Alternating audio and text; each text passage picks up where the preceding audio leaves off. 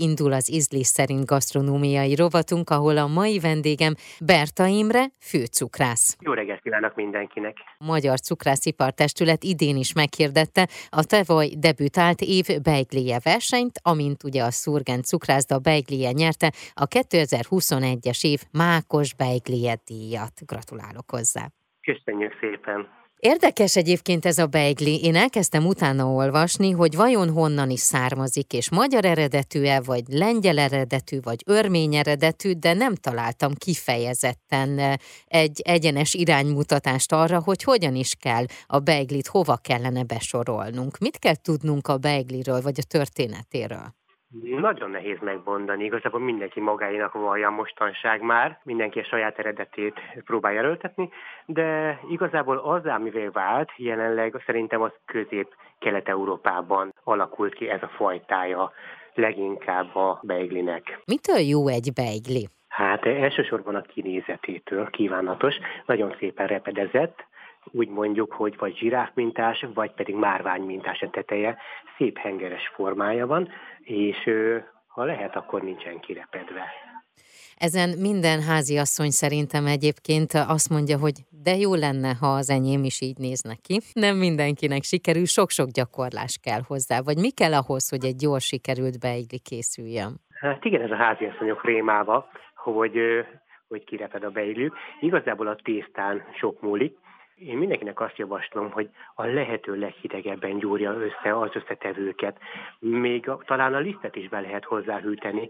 Gyúrás közben, ahogy felmelegszik a tészta, kizsírosodik, és akkor törősé válik, akkor már nem lesz jó, akkor már nem tudja megtartani a tölteléket. És a töltelék lehet, a lehető legkeményebbre legyen, ne legyen száraz, de legyen jó keményre főzve, jó besűrítve.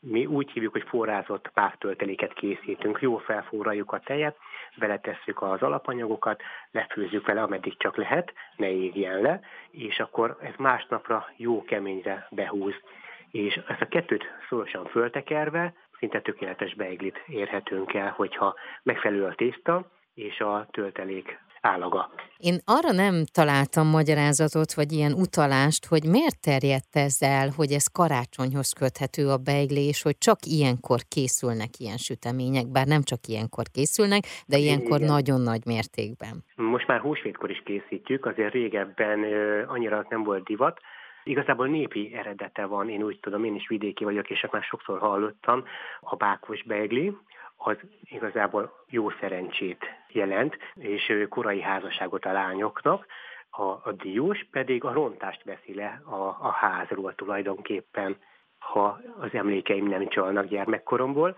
és ezért terjedt el, ezek nagyon fontos dolgok voltak a régi időkben, és ezért került az asztalra beigli. Régebben ezt kalács tésztából készítették, de ma már pozsonyi tésztából készítjük. Mit jelent a pozsonyi tészta? Keményebb tészta, kicsit törősebb, mint a kalács tészta. Sokkal több liszt van benne, sokkal több zsiradék van benne, ez egy, ez, egy, ez egy sokkal erőteljesebb tészta. Térjünk át erre a versenyre, és arra, hogy ugye idén akkor második alkalommal hirdették meg, és voltak különböző kategóriák, volt ugye mákos, volt a diós kategória, és volt az ínyenc kategória, Igen. és ugye a szurgen cukrászda pedig a mákos kategóriában indult el tavalyi évben is indultunk már, az első versenyen is indultunk, akkor mind a kettő kategóriában második helyzetek lettünk, és ezen felbuzdulva, kicsit újra gondolva elindultunk az idei versenyen is. Mi a titok? Igazából benne van a szívünk az elsősorban.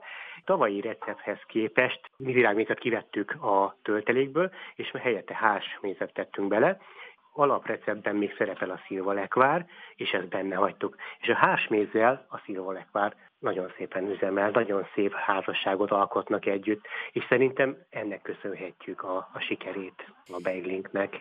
Neked melyik a kedvenc beiglid, illetve mit mutat a tapasztalat, hogy a, a, akik betérnek a cukrászdába, nekik melyik a kedvencük, a diós vagy a mákos? Szerintem manapság még mindig a, a diós az, ami, ami nagyobb kedvenc, de jelenleg nálunk a mákos az, ami, ami nagyon nagy kedvenc a vevők között, kíváncsiak rá, érdeklődnek iránta. Én igazából konkrétan a mákos szeretem, de én nem vagyok egy nagy beiglievő, de ezért én is megkóstolom mindig, amikor készítjük. Amikor eh, készül a beigli, hogy jó sok töltelék legyen benne, ez miért? Ez is a hagyományra vezethető vissza? Hát igen, igen, ez is a bőségre vezethető vissza, viszont ma már erre szabályok vannak, meg van határozva, hogy mennyi töltelék lehet egy, egy beigliben, és kinézetre is sokkal jobban néz ki, hogyha a tészta és a töltelék aránya szinte tökéletes egyensúlyban van. Van-e olyan beigli, ami még készül nálatok, és mondjuk ilyen ínyenc vagy különleges kategóriába lehetne besorolni? Megyes gesztenyét csinálunk, meg túros barackos, aszalt barackost készítünk. Jelenleg most csak ez fér bele a, az időnkbe. Egyébként meg kereslet szinte mindenre lenne, zserbósra, csokisra, mindenféle fajtára nagy igény lenne. Mit jelent ez a díj, hogy megnyertétek az év beiglie versenyt a mákos kategóriában? Nagyon sokan kíváncsiak ránk, keresik a, a beiglinket, és hála Istennek nagyon-nagyon-nagyon sok a pozitív visszajelzés, és ez nekünk ez egy nagyon jó megerősítés, hogy jó, amit csinálunk. Nagyon sokan jönnek be úgy, hogy hallottak minket itt-ott, most már meg szeretnék kóstolni. Milyen régi receptekkel dolgoztok? Lehet ilyet kérdezni? Igazából vannak saját receptjeink, vannak saját receptjeink, amit mi magunk állítunk össze. Van egy alaprecept, amit mi is tanultunk annak idején, és a kettőt mindig próbáljuk összehasonlítani, hogy az arányok jók legyenek, hasonlóképpen jó működjön, mint annak idején, amit tanultunk de egy picit mindig kell variálni rajta a sütő miatt, az időjárás miatt is néha hozzá kell nyúlni. Hogyha például melegebb telünk van, akkor, akkor sokkal gyorsabban kell a beigli, azt például nem mindig szeretjük. Itt most ez ugyanaz igaz, mint az év tortája a versenyben, hogy ezt a receptet ti tovább fogjátok adni? Igazából nyilvános a, a recept. Ha valaki szeretné, ugyanúgy elkészítheti, ahogy mi. Ez, ez a verseny lényege, hogy igazából nyíltá válik a recept a verseny után. Nagyon szépen köszönöm, és nagyon-nagyon gratulálok még egyszer, és sok-sok díjat kívánok még. Köszönjük szépen, köszönjük szépen. Az elmúlt percekben Berta Imre főcukrászt hallhatták, hiszen a Magyar Cukrászipartestület idén is meghirdette a tavaly debütált év beigléje versenyt, amin a Szurgen cukrászda beigléje nyerte a 2021-es év Mákos beigléje díjat.